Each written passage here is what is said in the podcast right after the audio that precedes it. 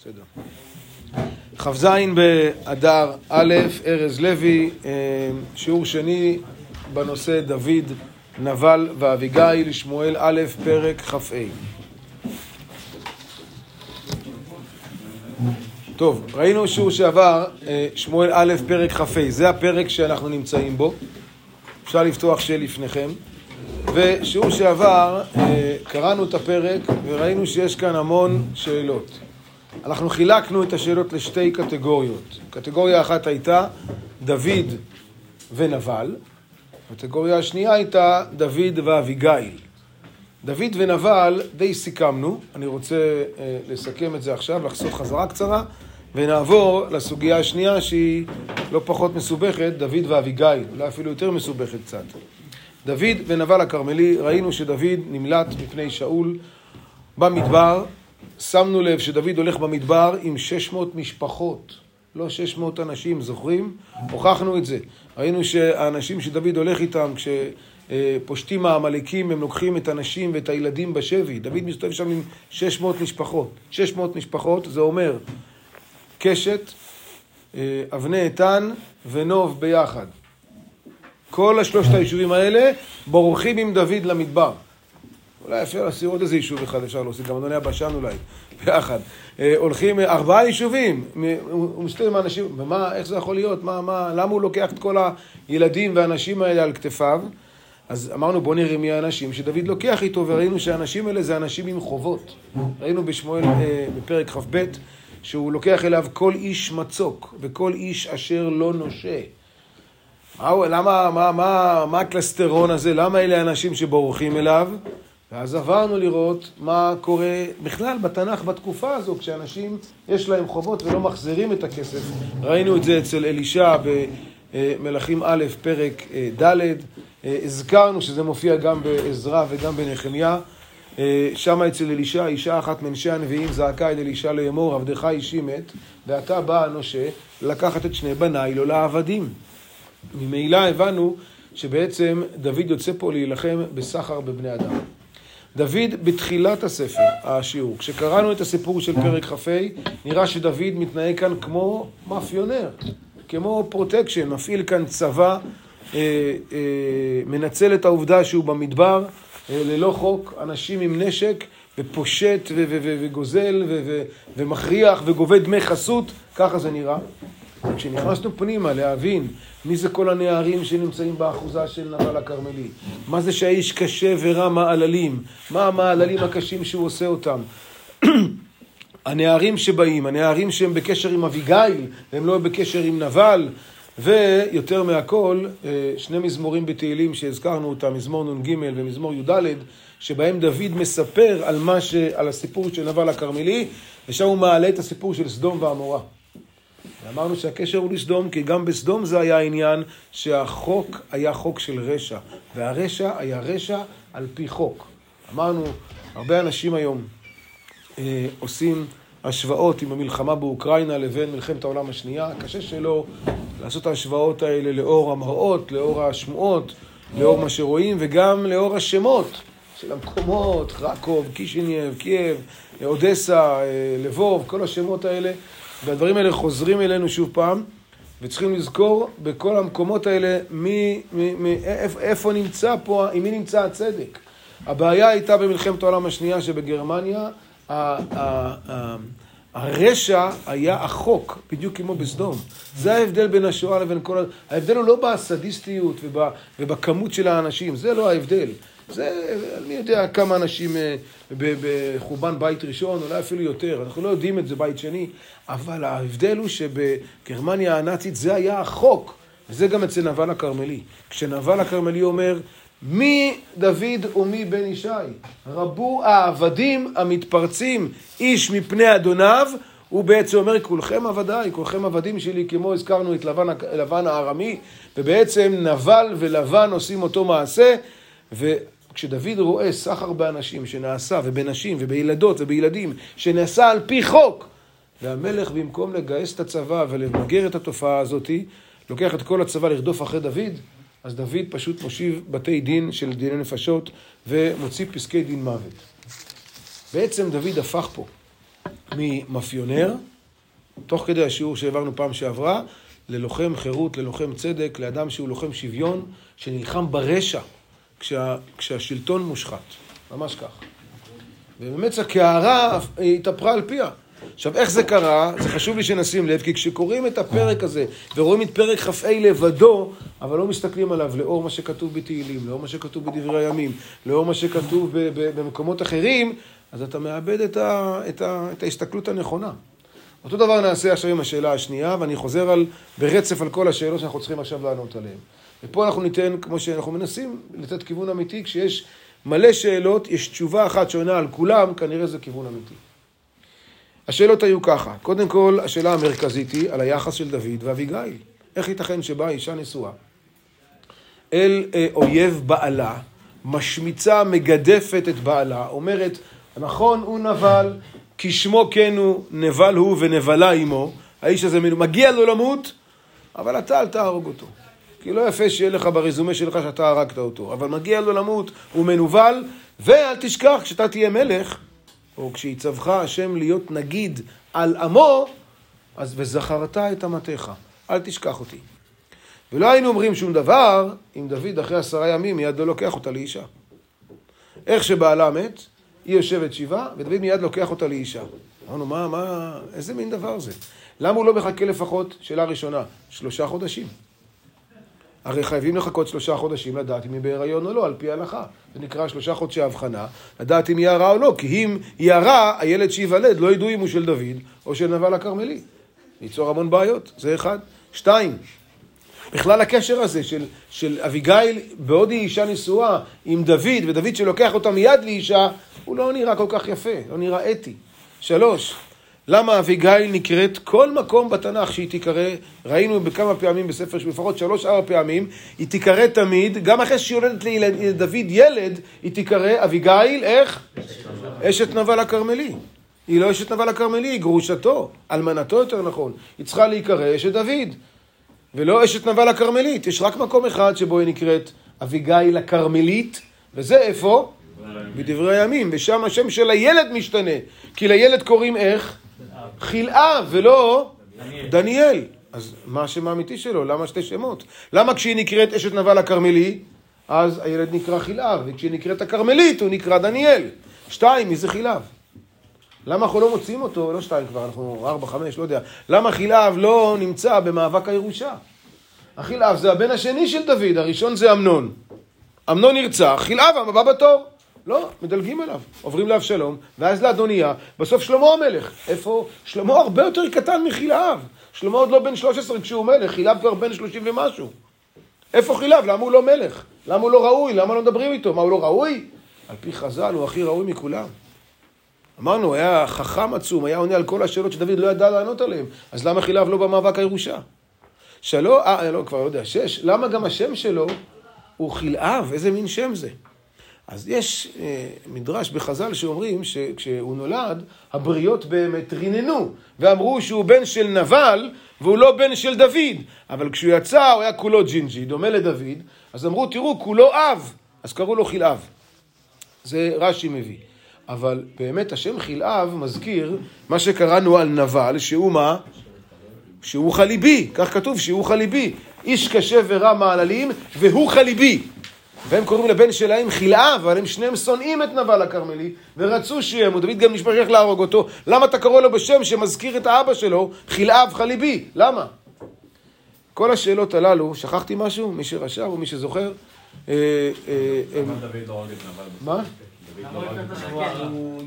אה, וכמובן, ובסופו של דבר, למה הוא לא הרג את נבל? מה אביגיל כבר סיפרה לדוד, תודה רבה, מה היא כבר עשתה? מה היא אומרת לו? שלא ברזומה שלך, ונשבעת בשם השם.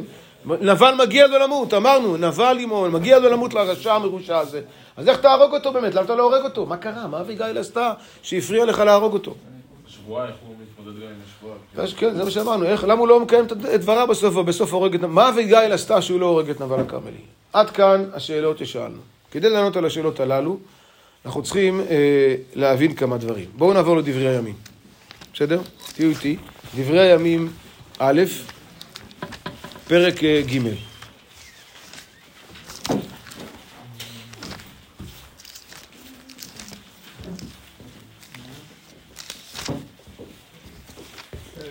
כן.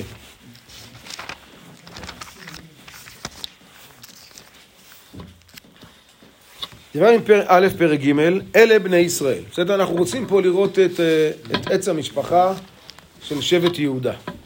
אז תראו את פסוק אה, ג', בני יהודה. בסדר? אנחנו עוברים ללוח. בני יהודה, ער ועונן.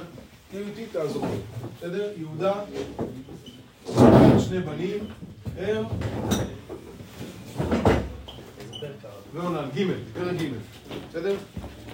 נדבר א' פרק ג'. דוד, אה, יהודה, מוליד שני בנים, ער ועונה. תראו פסוק שם, פסוק ב', ג', תעקבו איתי יחד.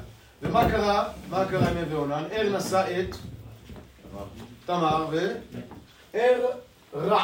בסדר? ער היה רע בעיני השם, אותם אותיות, והשם הרגו. השם הרג את ער, ואז אה, עונן מייבם את תמר, נכון? מה זה ייבום? שני אחים, אנחנו מתחילים ללמוד במסכת יבמות בדף היומי, שני אחים, אחד מהם מת בלא בנים, אז האח השני, אפילו אם הוא נשוי, יש לו מצוות ייבום, הוא צריך לייבם את, אה, את גיסתו בעצם, והגיסה הזאת היא אסורה לאף אחד אחר, היא נקראת שומרת יבם. אם הוא מסרב לייבם אותה, אז הוא חולץ לה, עושה חליצה. אבל המצווה היא לייבם. חליצה זה כשאין ברירה. היום אנחנו רק עושים חליצה, לא עושים ייבום היום בארץ ישראל, בכלל בעולם, משום שאנחנו היום לא בטוחים, או אנחנו חושבים שמא, אה, או אנחנו לא רוצים להיכנס למצב הזה, שמא הנישואין, הייבום של האח עם גיסתו, למרות שאחיו מת, יהיה בזה גם מחשבה לא נכונה, מחשבת עריות, מחשבת אהבה, ואז זה גילוי עריות, ולא רוצים, לכן אנחנו לא בקיאים בזה, משום שייבום יש בו תיקון של נשמות. זה להקים זרע לאחיו המת. אז עונן מנסה להקים זרע לאחיו המת, ונושא את תמר, אבל גם השם הורג את עונן, משום שעונן שפך זרעו בחוץ. לא רצה שתמר תתעבר, ולא רצה להקים זרע לאחיו המת, ולכן השם הורג את עונן. ויש עוד ילד קטן ליהודה, קוראים לו? איך? כל מה? מה? שאלה. שאלה. קוראים לו שאלה. שימו לב שה... שה... המילים פה מאוד יפות, ער זה ער, עונן, כן? אנחנו משתמשים היום בביטוי הזה גם כן לאדם שמתו מוטל לפניו, או אדם שמשחית את זרעו, ושלה, למה נקרא שלה? כי הוא שלה, הוא של תמר. הוא שלה, בסדר? אבל יהודה לא מוכן לתת לתמר את שלה. תרתי משמע. למרות ששלה הוא שלה. הוא לא מוכן לתת לו אותה. ואז יהודה אומר מה, היא הרגה לי היתר, הרגה לי עיתונן, ואז בעצם מה שקורה, יהודה בעצמו הולך ו... לא, עוד לא. לפני כן הוא הולך אל הזונה בפתח עיניים, היא מתחפשת לאותה זונה, ואז בעצם יהודה נושא את תמר לאישה, לא נושא אותה לאישה, אלא בעצם הוא שכב איתה, אז הוא מייבם אותה. זה סוג של ייבום. למרות שייבום זה רק בין אחים, תכף נראה שלא. או אתם יודעים מה, עכשיו נראה שלא. תוכיחו לי שייבום זה לא רק בין אחים. מה, מה? כן, אבל זה מה שאני רוצה להוכיח עליו. תוכיחו לי שלא. המקרה הכי מפורסם של ייבום בתנ"ך. בועז ורות. מגילת רות. בועז לא היה אח של מחלון. מחלון וכיליון מתו, בועז הוא קרוב משפחה. הוא לא אח. וכשרות אומרת לבועז, אתה הגואל, אז מה הוא אומר לה? נכון, אבל יש אחד קרוב ממני. אם טוב, קוראים לו טוב, אם טוב יגאל, יגאל, ואם לא, אנוכי יגאלך. טוב לא רוצה לגאול, אז בועז גואל. והם לא אחים של מחלון בכלל. שירות הייתה אשתו של מחלון, לכן זה, זה כנראה קרבת משפחה, זה לא, המצווה היא באחים. אין אח, אז קרוב אחר. אז יהודה בעצם, אה, תמר הרע מיהודה, ברגע שהיא הרע מיהודה, נולדים לה תאומים, מה שמם? מה שם התאומים? פרץ וזרח. פרץ וזרח. עכשיו, אני רוצה לראות איך ממשיכה השושלת של יהודה. יש לנו כלל, תמיד הולכים אחר הבכור. הבכור הוא הממשיך. אז אם היה לנו, במקרה זה יפה כפרץ וזרח, אז זה בדיוק הם תאומים, הם באים תחת ער ועונן. שפרץ הוא תחת ער, ולכן פרץ הוא הבכור, כי הוא פרץ תהליך הפרץ, הוא יצא ראשון מהרחם, למרות שזרח הושיט את ידו, אבל החזיר ידו, ויהי כהמשיב ידו, פרץ יצא ראשון, פרץ הבכור, אני ממשיך מפרץ. בסדר? רגע, מה עם שאלה? שאלה בעצם יצא מהמשחק. לא, הוא עדיין במשפחה, אבל הוא לא ממשיך, לא, השושלת של המלוכה מיהודה לא תהיה אצל שלה. משום שאנחנו, פרץ בא תחת ער, וער הוא הבכור. בסדר? כאילו, בגלל שכאילו... הוא בגלל שפרץ עקף את. שלה, פרץ עקף את שלה, בקיצור. ער מת, עונן מת, פרץ הוא בא תחת ער. אז פרץ ממשיך את שושלת ער, בגלל הייבום? כן? בגלל העיבוב. עכשיו אני ממשיך את פרץ. מי הבנים של פרץ? אתם רואים שם בפסוק? חצרון חצרון וחמול. וחמול. עם מי אני אמשיך? חצרון. חצרון כי הוא הבכור. מי הבנים של חצרון? מי הבנים של חצרון? ירחמיאל ורם וכלובי. ירחמאל הבכור, רם וכלובי. בסדר? עם מי אני צריך להמשיך? ירחמיאל. עם ירחמאל. אבל אני לא ממשיך עם רחמאל. למה? תראו את פסוק, יוד. אה, לא י', תראו את פסוק אה, אה, כ"ו, מה כתוב? פסוק כ"ו, ותהי אישה אחרת לרחמאל ושמה עטרה היא אם עונם. אומר רש"י, מה זה ותהי אישה אחרת? אחרת זה אומר נוכריה. רחמאל נושאת עטרה שהיא לא יהודייה. ועטרה יולדת את אמונם, זה לא משנה. ברגע שרחמאל נשא אישה נוכריה, הוא יוצא מהמשחק. מי נשאר? רם בכלובי. מי ימשיך? למה? ברגע שהבכור נדחה, כמו אצל שבטי יעקב, שבטי ישראל, ברגע שראובן נדחה, זה לא אוטומטית עובר לשמעון. מהרגע הזה זה עובר למי? שיותר מתאים. בכור זה בכור. הבכור לא, אז מי שיותר מתאים. אגב, למי ניתנה הבכורה בסוף בשבטי ישראל? יוסף. נכון? כי יוסף הוא הבכור, ולכן יוסף מקבל שניים, את אפרים ומנשה. בסדר? יפה. אז אני שואל, רם או כלובי? עם מי נלך?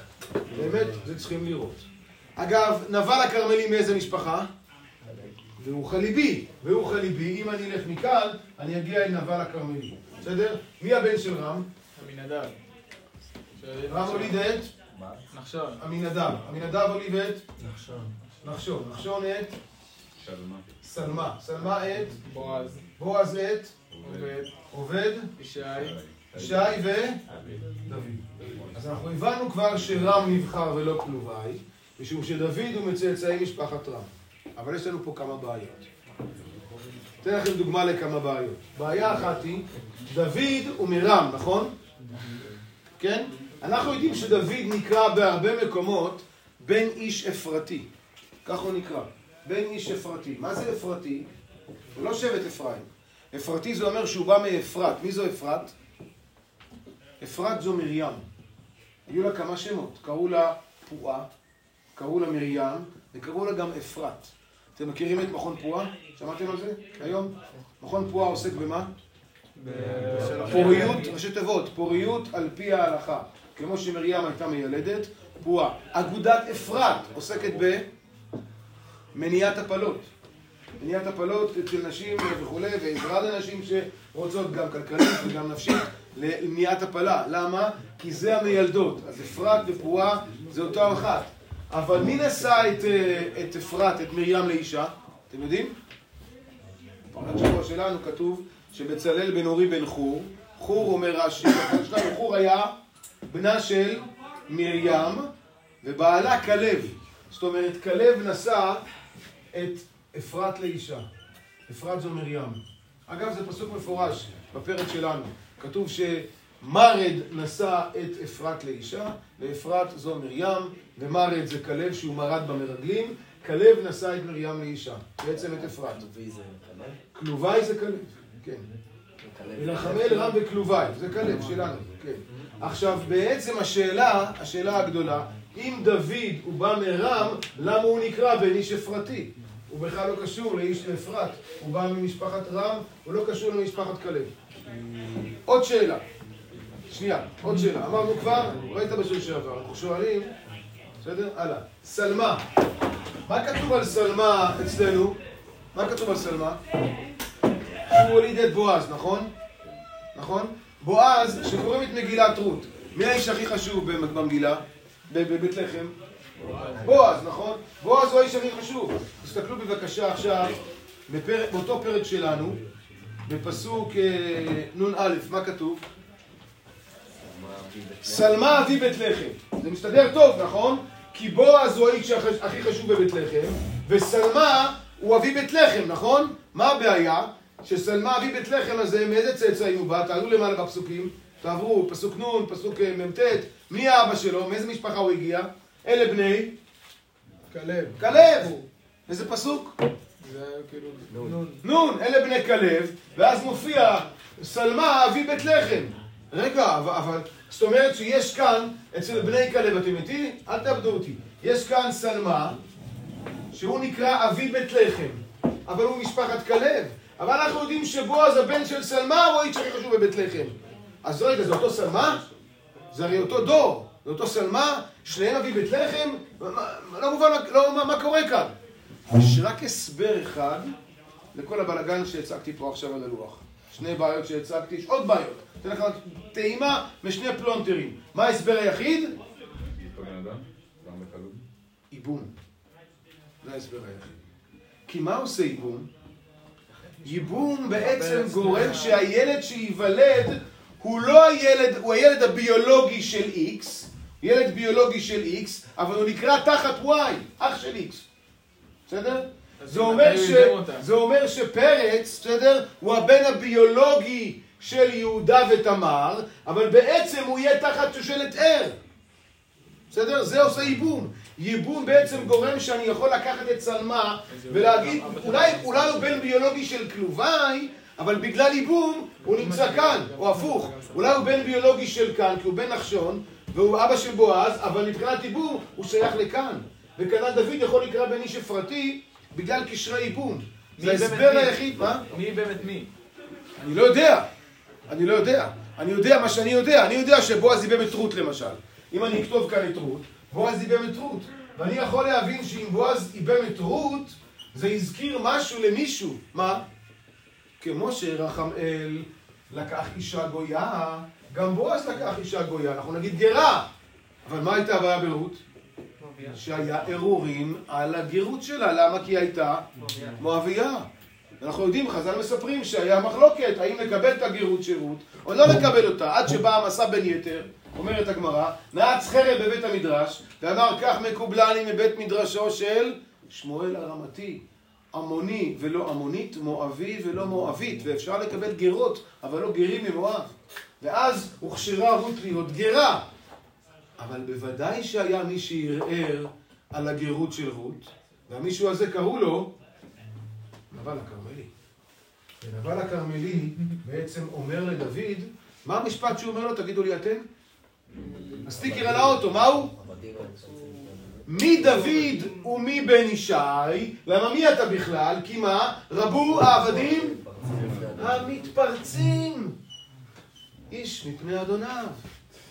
אומר נבל הכרמלי, וואלה יופי, באת לי מפרץ. רבו העבדים המתפרצים. באת מפרץ, אתה חושב שאתה תהיה לי מלך? גם אני מפרץ. לא רק אתה מפרץ, גם אני שייך לפרץ. ואתה פסול, כי יש לך פה את רות. זה טענת נבל כנגד דוד. אגב, זה גמרא בירושלמי. הירושלמי אומר שנבל אמר, אני אמלוך. למה? כי אני באתי מפרץ. הירושלמי לא אומר, מתפרצים פרץ, זה הוא לא קושר, זה אני מבין לבד. כשהוא אומר לו, מתפרצים, אז הם מתפרצים. כשאתה רואה מול הלוח, אתה מבין מה הנבל רוצה. נבל אומר, על מה אתה מדבר? באת מפרץ, וואלה יופי, אז מה? יש לך פה פגם, אתה לא יכול להיות. כי פה יש את רות. כמו שרחמאל נפל, גם בועז נפל. ונבל רוצה למלוך. אני סוגר את זה בסוגריים, כי זה לא כזה חשוב לי להבין שנבל רוצה למלוך. כי זה לא היה העניין פה. היה פה עניין אחר לחלוטין. אני רק רוצה אה, עוד יותר לסבר את אוזניכם, להבין מה זה ייבום. איפה היה הייבום הראשון בהיסטוריה שאנחנו רואים אותו בתנ"ך? איפה? יהודה ותמר? יהודה ותמר.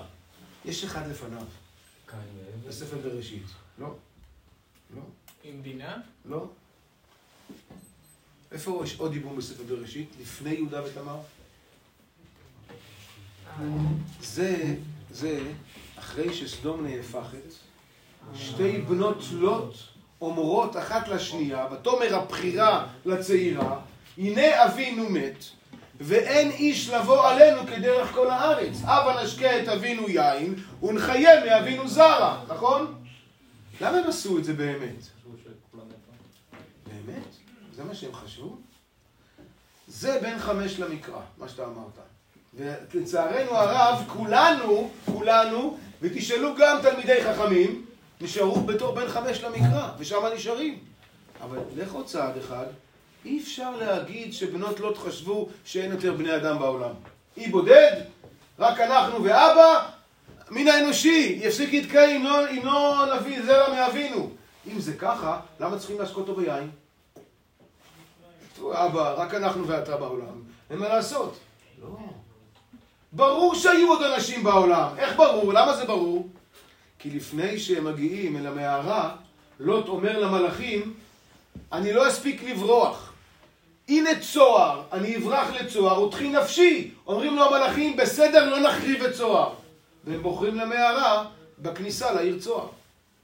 והם יודעים שצוהר לא נחרבה. היו צריכים לחרב חמישה ערים, נחרבו רק ארבע ערים. חמש, נחרבו רק ארבע ערים. למה? בגלל שצוהר, אתם זוכרים את זה?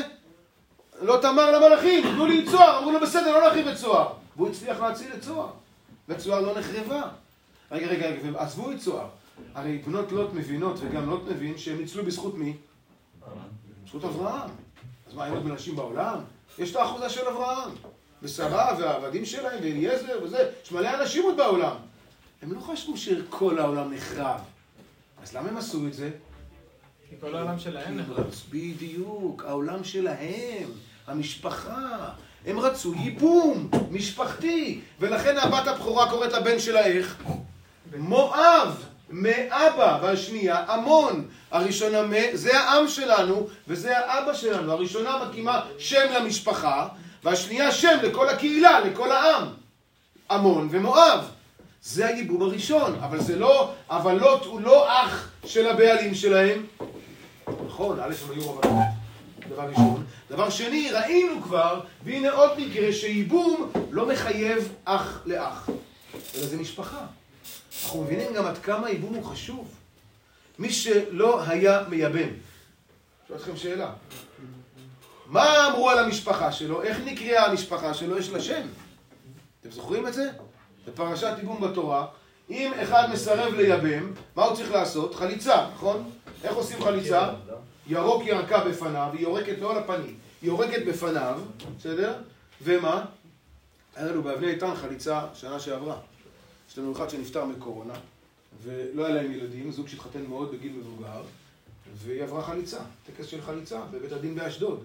אז מה זה חליצה? היא יורקת אה, אה, בפניו, לא, אלא ב- היא יורקת על הרצפה בפניו, ומהרגע הזה למשפחה יש שם, איך קוראים לה?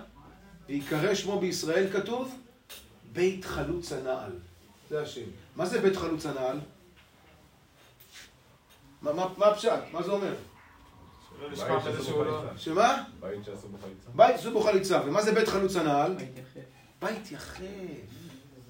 אתם זוכרים את המוטיב של הפרק שלנו? רגליים.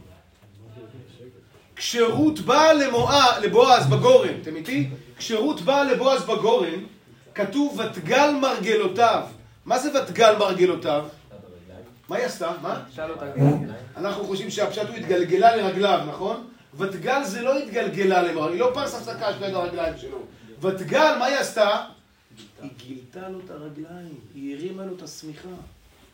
ומהרגע הזה, פתאום נהיה לו קר ברגליים באמצע הלילה. אתם מכירים את זה? שהשמיכה לא מספיק ארוכה? היא תמיד היא ארוכה בשבילי, אבל יש כאלה שהשמיכה לא מספיק ארוכה בשבילהם, ואז הכפות רגליים יוצאות החוצה, והם פתאום מרגישים קר בכפות הרגליים. ואז בועז מתעורר, ואז היא אומרת לו, יחפן, בית חלוץ הנעל, אתה צריך לייבם אותי. אם לא תייבם אותי, אתה תיקרא יחפן, כמו שאמרת, יחף בית חלוץ הנעל. ואז הוא מתעורר ואומר לה, ברוכה את להשם ביתי. ממש ככה. בדיוק כמו שדוד אומר לאביגיל, ברוכה את להשם ביתי, אשר קהיליתיני מבוא בדמים. אתם זוכרים את המדרש שאביגיל מרימה את רגלה? את החצאית, והוא הולך לאור רגלה של אביגיל כל הלילה? אמרנו, מה חז"ל רוצים מאיתנו במדרש הזה? מה מספרים לי שהיא הרימה את החצאית וגילתה את הרגל? מה זה מעניין? למה זה חשוב? מה זה, מה זה חשוב? למה מספרים כל הזמן שהיא נפלה לרגליו והלכה, הנה אנוכי אמה אה, שפחה לרחוץ רגלי עבדי אדוני ונעריה הולכות לרגלה מה, מה זה כל העניין של הרגליים פה? הבנתי פעם, פעמיים, חמש פעמים מופיע רגליים בפרק הזה כי זה הנושא של הסיפור של דוד ואביגיל. ועכשיו נפרק את כל השאלות. דוד בא להרוג את נבל הכרמלי. בדין, הוא נשבע, מגיע לו למות לאל קפונה הזה, כי הוא סוחר בנשים, סוחר בילדות, הוא לוקח ילדים וילדות של בעלי חוב, מוכר אותם לשוק העבדים לעמלקים שלוקחים אותם לאוקראינה, ונגמר הסיפור, ולא מוצאים אותם יותר. זה מה שנבל הכרמלי עושה. דוד אומר לאנשיו, חיגרו איש חרבו, לא נשאיר עד דור הבוקר משתין בקיר לנבל הכרמלי. אבל אז באה אליו ואומרת לו, יופי, יופי, תהרוג את בעלי, מגיע לו למות, תהרוג אותו, צודק. מי יאבם אותי? מה יהיה עליי? מי אחראי? אני אהיה במה. אף אחד לא יסכים לייבם אותי. למה אישה יפה תואר כתוב עליה, נכון? מה זה משנה? מי ירצה להקים שם למנוול הזה? המנוול הזה שנבל הוא נבלה עמו, שעושה מעשה עמלק, שסוחר בעם ישראל, הוא, מי יקים לו שם? מי יסכים לשאת אותי לאישה, ושהילד שייוולד לו, והוא יהיה הילד שלו, ייקרא על שם נבל הכרמלי המנוול. אף אחד לא יסכים.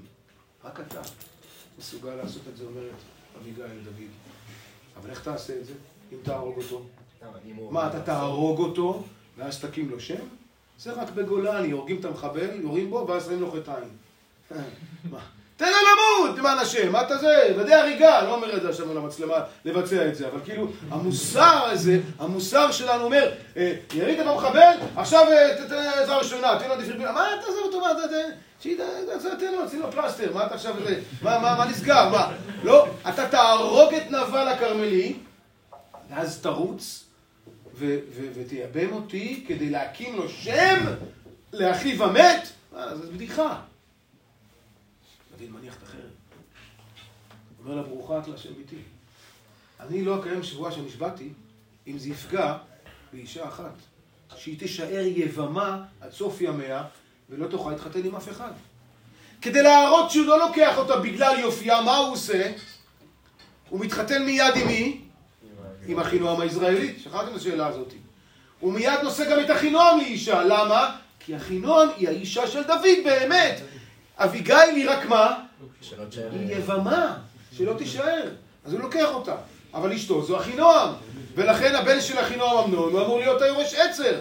והבן שנולד לאביגיל, איך קוראים לו? למה? למה להזכיר את שם אביו המת, המנוול? זה כל העניין.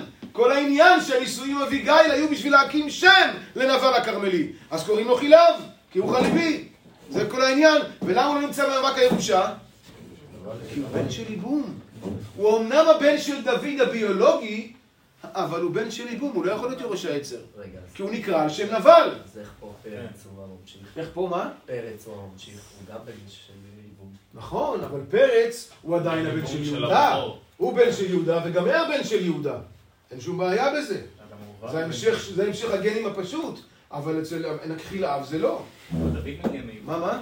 גם דוד מגיע מייבום. נכון, נכון. אז למה קוראים לו נכון. דניאל? אה, יפה, בוא נגיע לשם. מה ההבדל, שנייה, אני אענה לשאלה הזאת, מה ההבדל בין דברי הימים לבין שמואל? שמואל זה סיפור המלוכה. דברי הימים זה סיפור השושלת המשפחתית, עץ המשפחה.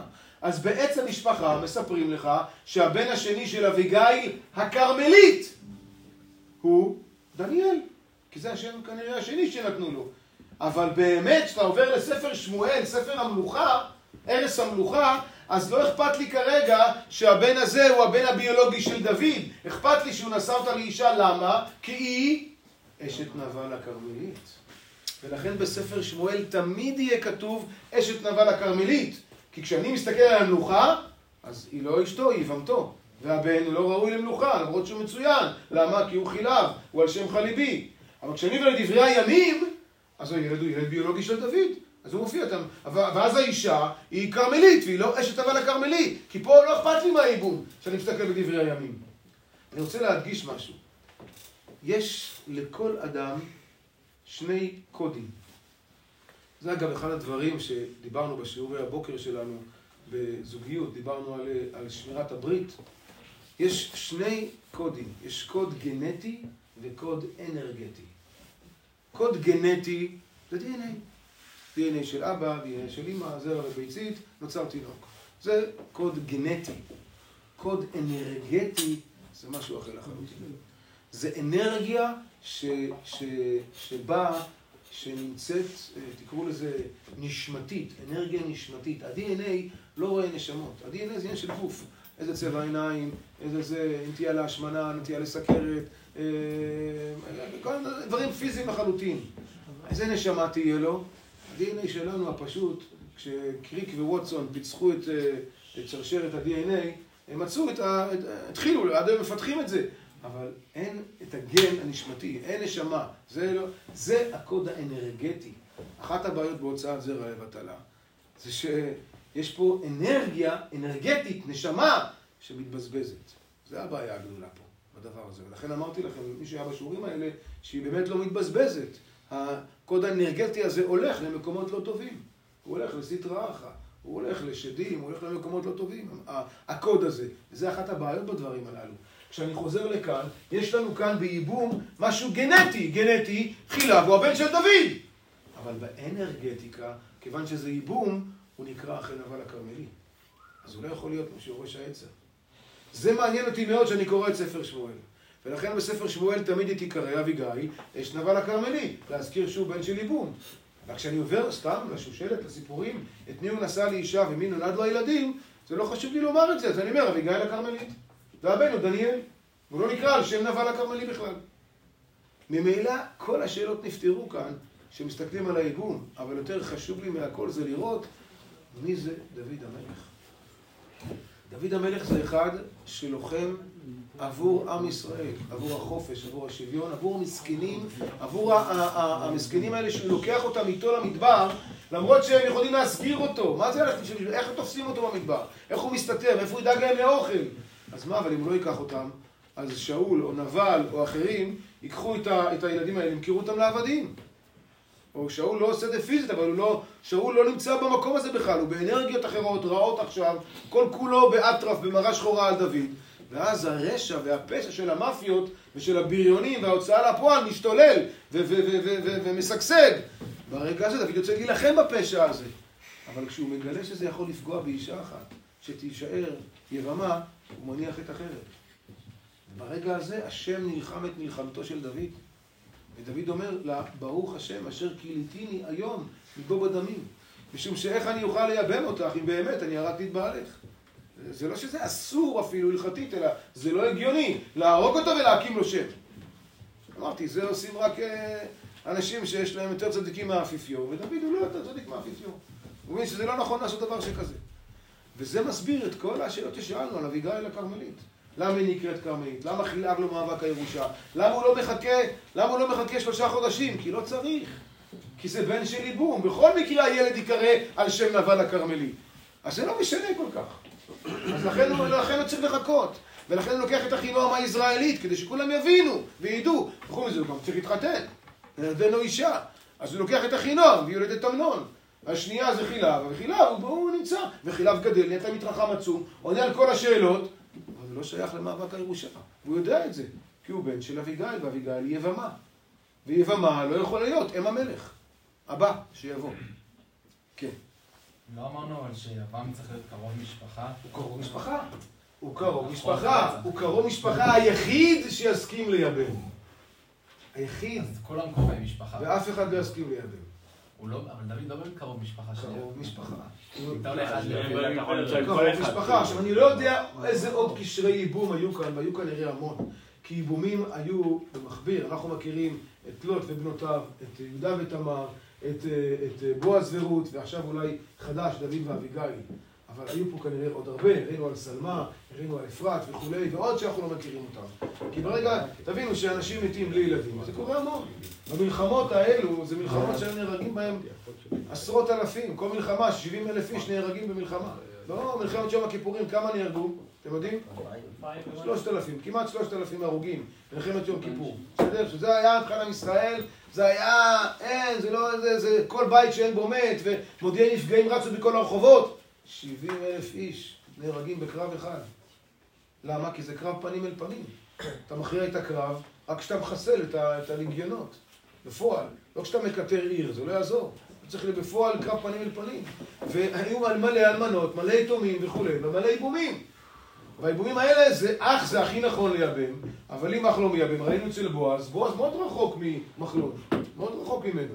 והוא אומר לה, יש אחד קוראים לו טוב, הוא יותר קרוב ממני, תלכי אליו קודם, הולכים אליו, הוא לא רוצה. אז בועז גואל אותה, אז בועז מייבם אותה. אז ייבום, אני, זה מה שהוכחנו, לכן התאמצתי להוכיח שייבום זה לאו דווקא אח. מה בדיוק הייתה הקרבה של דוד בן נבל בדיוק? בין ראשונים, שניים, שלישיים, לא יודע. אין לי איך לחקור את זה. אולי כן יש, אבל לא העמקתי עד כדי כך. אבל ברור שזה קרבת משפחה. עכשיו, אביגיל אומרת לו, אתה היבם היחיד, אני לא אלך למישהו אחר, כי אף אחד לא יסכים. לדוד יש עוד שבעה אחים. אף אחד מהם לא פוטנציאל לייבם אותה, למה? אף אחד לא יסכים. הרב, למה היא כל כך רוצה שיהיה בעימות? למה לא פשוט עם מישהו אחר שהוא לא... אין, אסור, אסור. אסור לה, או חליצה או ייבום. אז שיעשה חליצה, למה כאילו... לא עושים חליצה בזמן הזה. כמו שהיום אנחנו לא עושים ייבום, הם לא עשו חליצות. כי מי שעושה חליצה, איך קוראים לו? חף. בית חלוץ הנעל. זה דיראון עולם. זה דיראון עולם, זה בושה למשפחה. תראו היום מה קורה, חס ושלום, אצל הבדואים, אצל הערבים, בגאולת דם, במשפחה וכולי, בכבוד המשפחה וכולי. תבינו מה המשמעות של זה. כאילו, גם רוצח בשגגה, שצריך להימלט אלי מקלט, כי המשפחה של הנרצח, מחפשים להרוג אותו. בסדר? היו מוסכמות משפחתיות, שבטיות, חברתיות, חזקות ביותר. אחת מהן הייתה חובת הייבום. ומי שלא מייבם, בית חלוץ הנעל. היום אנחנו עושים חליצה כי נחלשנו. נחלשנו. הייבום האחרון, אני חושב, עשה אותו הוראה עובדיה בשנות שנות החמישים. שהגיעו תימנים לארץ, אז הוא עשה ייבומים. הוא היה עוד מייבם תימנים. כי הם הגיעו, מה שנקרא, תמימים, פשוטים, עם ההלכה כמו שהייתה, בלי כל מיני השפעות זרות וכולי. עשה. אחרי זה הפסיקו עם זה לגמרי ואין יותר ייבומים. אה, כן. עוד שאלה, אה, אמרת שדוד עשה בסוף את כל זה בשביל להציל את אביגיל, בשביל הייבום, כאילו, כן. הציל דירה אישה, הציל כן. לא עדיף להציל את כל הילדים האלה מאשר אישה אחת? ניצלו. השם הרג את נבל כן, וכולם אבל- ניצלו. אבל הוא לא יודע שזה יקרה. נכון, זה קרה. וכנראה שיש פה או רוח הקודש של דוד, או נבואה מפורשת של אביגיל. אביגיל אחת, הגמרא במגילה מנה אותה בתור אחת משמונה נביאות שעמדו לישראל. אז בעצם מה שהיא אומרת לדוד זה נבואה. היא מוסרת כאן נבואה. היא אומרת לו, אתה אל תהרוג את נבל. נבל הוא, הוא נבלה עמו, מגיע לו למות, לא אתה. ודוד בסוף, אחרי שהוא הורג, אחרי שהוא הורג, שהשם הורג את נבל, אז דוד אומר בסוף, נכון? הוא אומר, אה, ברוך השם אשר רב את ריב חרפתי מיד נבל, ואת עבדו חסך מרעה, ואת רעת נבל השיב בראשו. זאת אומרת, דוד אה, התפלל, קיווה, הבין, כן, שהוא לא צריך להרוג את נבל הכרמלי. למרות שאחר, הוא בא לשם, בא לשם כך, להילחם לשוויון, הצדק, לחופש המסכנים האלה. ובאמת השם אחרי עשרה ימים נגף את נבל, ונבל מת, והכל התפרק. כן. אה, לא לא הבנתי עדיין את ה... איך פרץ אה, כן ממשיך, והבן של. אה, איך קוראים לו? חילב לא יכול להמשיך. כאילו פרץ הוא... פרץ הוא בן של יהודה, וער הוא בן של יהודה. אוקיי. נבל ודוד הם לא, הם לא בנים של אותו בן אדם. אבל הוא על הבנים של דוד, לא? דוד עכשיו. דוד מייבם את אביגיל, נולד בן, נכון? הבן הזה הוא הבן של דוד, והוא בעצם מקים שם על נבל, בסדר?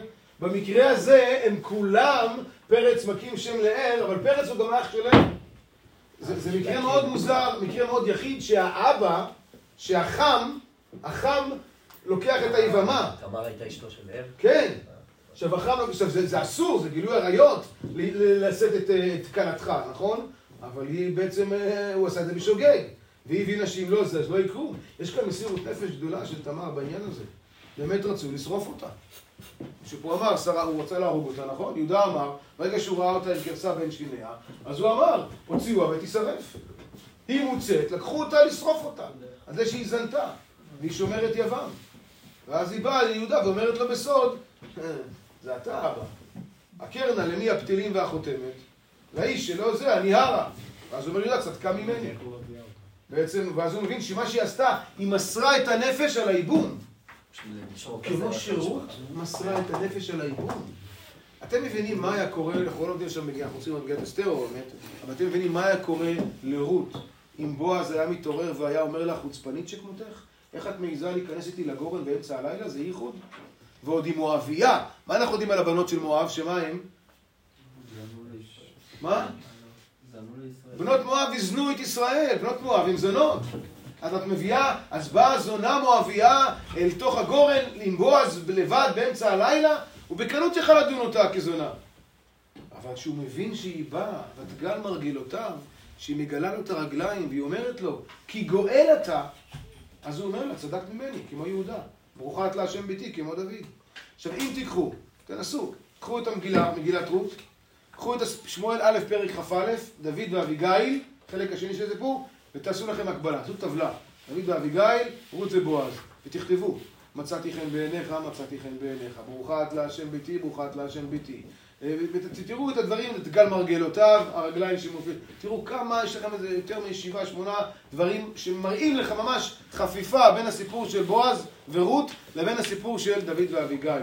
מה שמחזק את התחושה שאביגיל הייתה יבמה. זה כל סיפור הרגליים, זה מסביר את כל הסיפור של חיאב, של השם שלו, שלא מופיע, של ההבדל בין הימים לבין שמואל, ושל הסיפור של דוד, למה הוא בכלל נושא אותה לאישה, למה הוא לא מחכה שלושה חודשים, ולמה הוא לוקח את אחינועם מיד אחריה.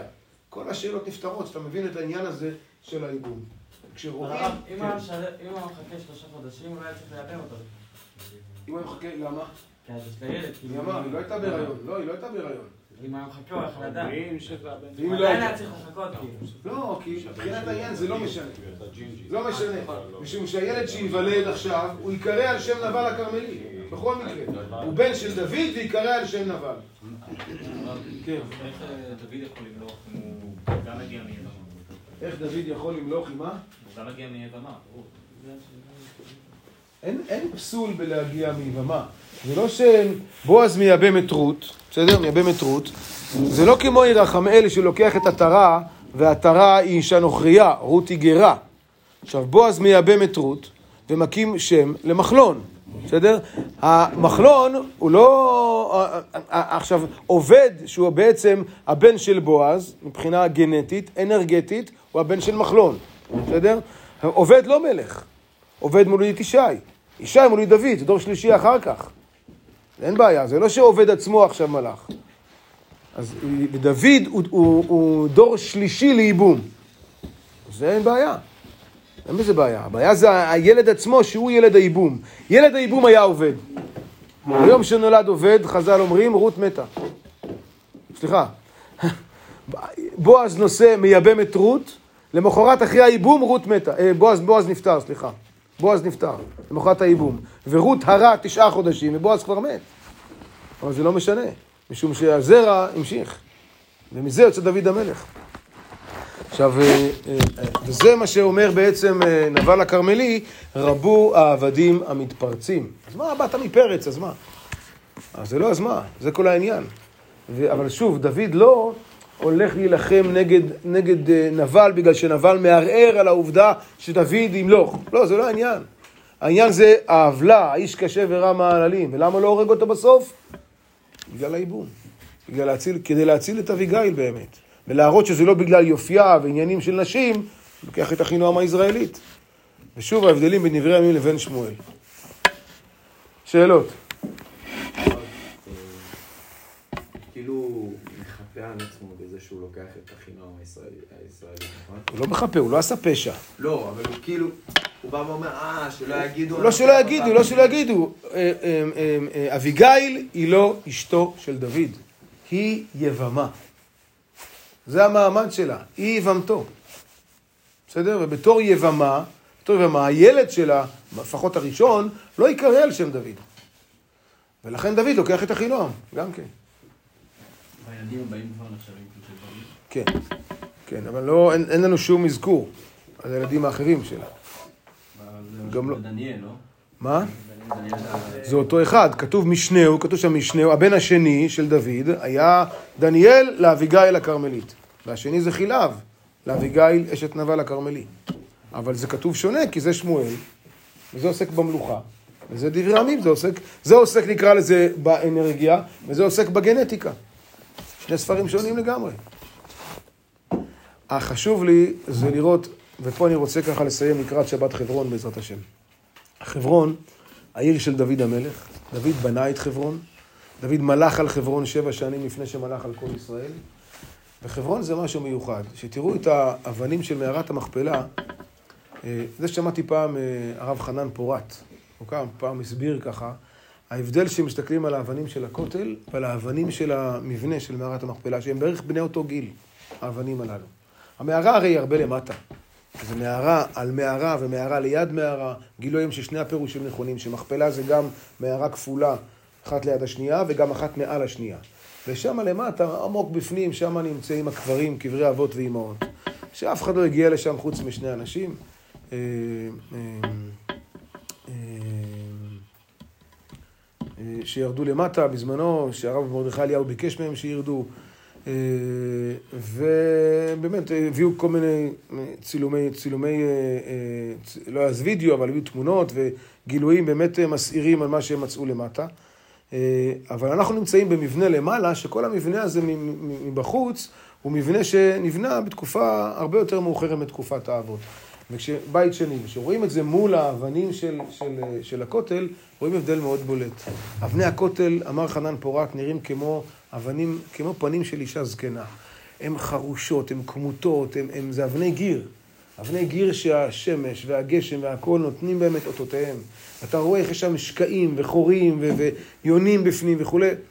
האבנים של מערת המכפלה עומדות, חזקות, מסוטטות עם הסיטוט של הורדוס, עם הסמל שלו, ברור כזה של שום אין פרץ ואין יוצאת ואין צווחה ברחובותינו. זה חברון. ותיפגשו גם עם חלק מה, מהאנשים של חברון, חלק מהמתיישבים של חברון, אנשים באמת שעשויים ללא חת. בני צרויה זה תושבי חברון. בני צרויה שאנחנו מוצאים אותם, אה, שוב, כמובן מבחינת ה... לא שושלת משפחתית כמובן, מבחינת האנרגיות. בני צרויה זה אנשים שמחזקים את דוד, שאומרים לדוד, תעשה, תהרוג, תחסל, תוודא הריגה, תהרוג את שאול, תהרוג את שמי בן גרה, ודוד מנסה, כי דוד הוא מלך, הוא לא... הוא גם הולך להיות מלך. אבל בני צרויה זה הימין הח- החזק הזה, שהוא... שהוא הוא, דוד בסוף אומר, מה לי ולכם בני צרויה? הוא ממש מתנער מהם לחלוטין.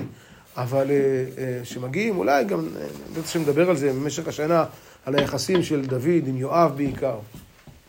וכשבאים אה, אל העיר של דוד המלך, צריך קודם כל להכיר מי זה דוד המלך. עשינו שני שיעורים.